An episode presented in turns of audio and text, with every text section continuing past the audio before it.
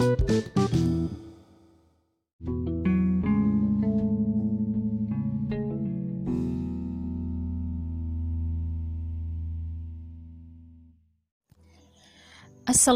warahmatullahi wabarakatuh. Ketemu lagi bersama Harafali di podcast Tuan Rumah Harafalin. Alhamdulillah episode ke-42. Alhamdulillah ya. 42 nggak terasa. Kalau misalnya dipikir-pikir ulang ya Di renungin gitu. Sekarang ternyata sudah 42 Padahal kemarin itu untuk memulainya sulit banget.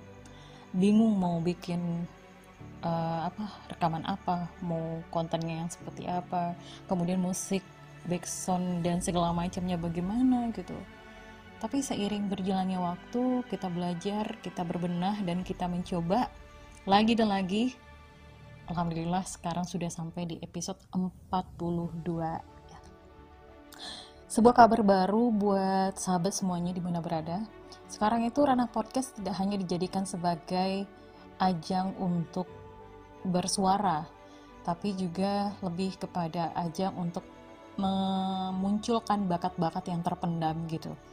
Biasanya kan kita sering pengen untuk didengar, tapi untuk hal mendengar kita bisa dikatakan agak uh, ini ya presentasinya tuh agak dikit banget gitu. Lebih enak kalau kita yang berbicara daripada orang lain mendengarkan gitu. Jadi kelebihan podcast itu di samping kita bisa berbicara, kita juga bisa mendengarkan podcast kita sendiri. Sekurang-kurangnya adalah belajar untuk mendengarkan gitu. Kira-kira apa yang kita sampaikan selama ini enak didengar gak ya? gitu ya. Dan kabar gembiranya lagi adalah kita berbicara sesuai dengan kemauan yang kita uh, mau gitu. Bukan atas paksaan dan bukan atas apa namanya atas sesuatu hal, tapi memang murni dari diri kita, apa yang kita sampaikan dan itu ternyata kita nyaman mendengarkannya dan kita nyaman juga untuk menyampaikannya. Makanya saya selalu bilang dalam setiap podcast itu untuk selalu mengambil yang baik-baiknya saja, yang hal yang di luar daripada itu mohon kabiri saya agar saya lebih mempersiapkan diri lagi untuk memperbaikinya dan menjadikan itu semakin bernilai di mata atau di telinga para pendengar gitu ya. Kalau mata mah itu video ya. Oh iya, by the way, saya juga lagi merambah untuk mencoba video video singkat di mana sebenarnya ini intinya dari podcast juga gitu. Harapannya sih memang tidak hanya tentang suara tapi juga bisa video teman-teman lihat gitu. Tapi saya juga lagi belajar bagaimana untuk mendesain sebuah gambar, mengkolaborasikannya dengan video dan audio, dan juga hmm, belajar untuk soal backsound.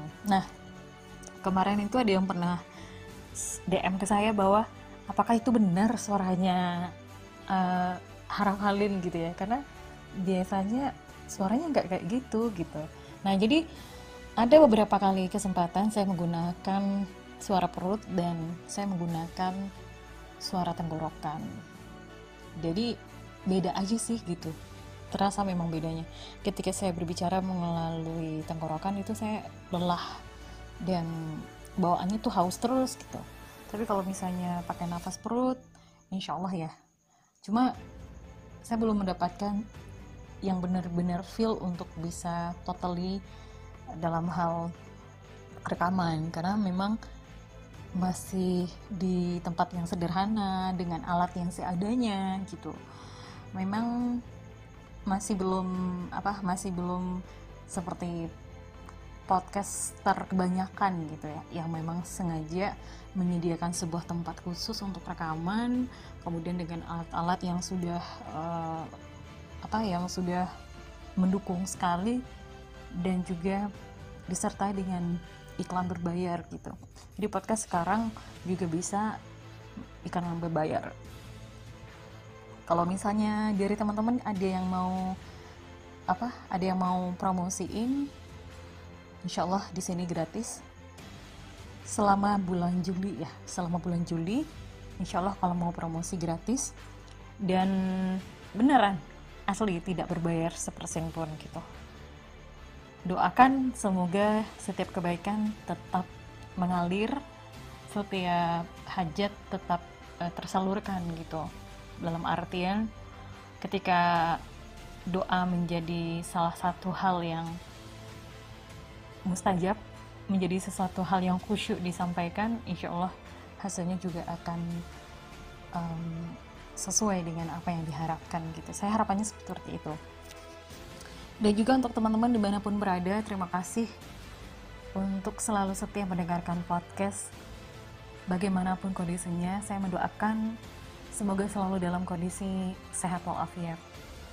Dua hari belakangan ini saya benar-benar terasa kecharger banget gitu hatinya.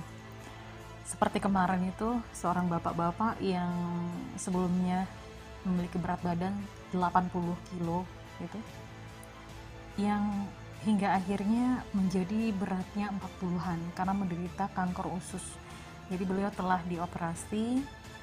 Hasil dari operasi itu adalah dia merasakan bahwa kondisinya semakin memburuk gitu. Gejala awalnya adalah diare dan tidak bisa menahan untuk buang air besar dan juga buang air kecil dan itu terjadi selama kurang lebih tiga tahun katanya. Dia merasa bahwa itu beneran seperti diare biasa, seperti kita layaknya makan yang terlalu pedas atau tidak sesuai dengan kondisi perut kita gitu tapi ternyata bapak ini ketika beliau diare beliau selalu minum obat-obatan yang dibeli di warung terdekat. Akhirnya ketika di CT scan dan juga dilakukan USG ada sebuah tumor yang bersarang di ususnya dan efeknya adalah ususnya tersebut diangkat dan bapak itu sekarang kondisinya sedang dalam pemulihan. Saya betul-betul ngeri melihat ketika bapak itu memperlihatkan bekas dari operasinya gitu. Dari pangkal apa dari bawah jantung ya dari bawah dadanya sampai ke pusar itu bekas jahitan yang kelihatan sekali besar-besar gitu. Bekas jahitannya itu cukup membuat saya merinding. Nah kemudian tadi siang seorang adik kecil yang baru berusia lebih kurang 10 tahun itu juga mengalami kanker tulang. Masya Allahnya, dia sebagai seorang anak tiga saudara di mana dia adalah anak pertama tidak memperlihatkan sama sekali kesedihannya gitu. Bahkan ketika saya tanya kenapa berniat sekali untuk operasi gitu. Terus dia ceritakan, bahwa sebetulnya dia sudah lama ingin operasi. Kejadiannya itu sejak kelas uh, 1 SD. 1 SD itu dia mulai merasakan bahwa kakinya sudah tidak bisa di apa tidak bisa sudah tidak bisa lagi menginjak ke lantai gitu. Dan dari situ dari cara jalan sudah mulai berubah. Dalam kelamaan ternyata sudah lebih enam tahun dia mendekam dengan sakitnya. Namun, masya Allahnya lagi, dia sekolah di sebuah sekolah negeri, mendapat peringkat, dan kelasnya itu ada di lantai dua. Sekarang ini dia memakai tongkat, baru dua tahun ini, sebelumnya dia memakai kursi roda gitu. Katanya, ketika saya tanya, bagaimana perasaannya ketika mengalami hal ini. Tujuan saya adalah mencarger diri saya agar lebih banyak bersyukur lagi gitu. Agar lebih banyak lagi melihat ke bawah. Terus dia cerita bahwa sebetulnya sudah ada tiga dokter yang menolak dia untuk dioperasi. Dan alasannya sangat simpel. Karena ketidak kecukupan alat untuk operasinya. Dari hasil ronsen yang dia perlihatkan kepada saya, saya melihat ada pertumbuhan yang tidak normal pada tulangnya gitu. Mulai dari apa mulai dari lutut sampai ke betis. Hal ini benar-benar membuat saya merasa bahwa Allah itu bakal menguji sesuai dengan kesanggupan. Sama sekali tidak ada rasa takut gitu. Bahkan saya tanya sampai dua tiga kali, kenapa mau dioperasi gitu? Dan pertanyaan kedua saya dijawab dengan bergetar dan kemudian dia menundukkan pandangannya sambil mengatakan, saya ingin sembuh. Masya Allah. Itu benar-benar membuat saya merasa bahwa Allah selalu hadir bersama kesulitan. Dari mereka saya belajar, dari mereka saya mendapatkan sebuah makna pembelajaran yang betul-betul kalau misalnya saya tidak menanyakannya, saya tidak akan pernah tahu apa yang selama ini dirasakan gitu cukup lama kita uh, ngobrol dan artinya adalah dia seorang yang smart, seorang yang memiliki integritas. Jadi insya Allah beliau akan dioperasi pada hari Jumat depan. Namanya Aini.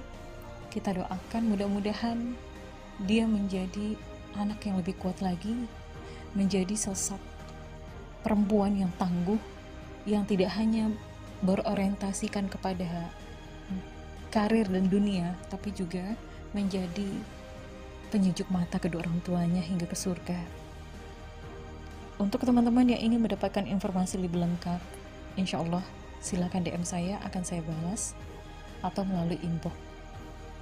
Untuk hal kemanusiaan seperti ini, naluriah kemanusiaan saya memang tergerak. Masih banyak hal yang menjadi PR kita bersama. Masih banyak yang menjadi beban moral kita semuanya. Berbicara tentang kesehatan, kemiskinan tidak hanya persoalan pemerintah, tapi kita sebagai manusia sudah sepantasnya juga memiliki naluriah seperti itu, naluriah manusiawinya untuk bisa lebih memanusiakan manusia.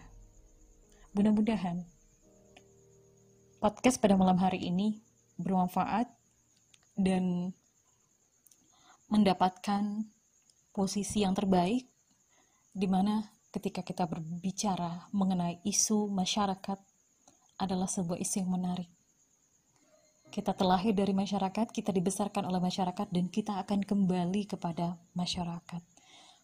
Nyatanya, ketika kita lahir dan meninggal pun, kita tidak lepas dari peran masyarakat. Demikian, terima kasih. Wassalamualaikum warahmatullahi wabarakatuh.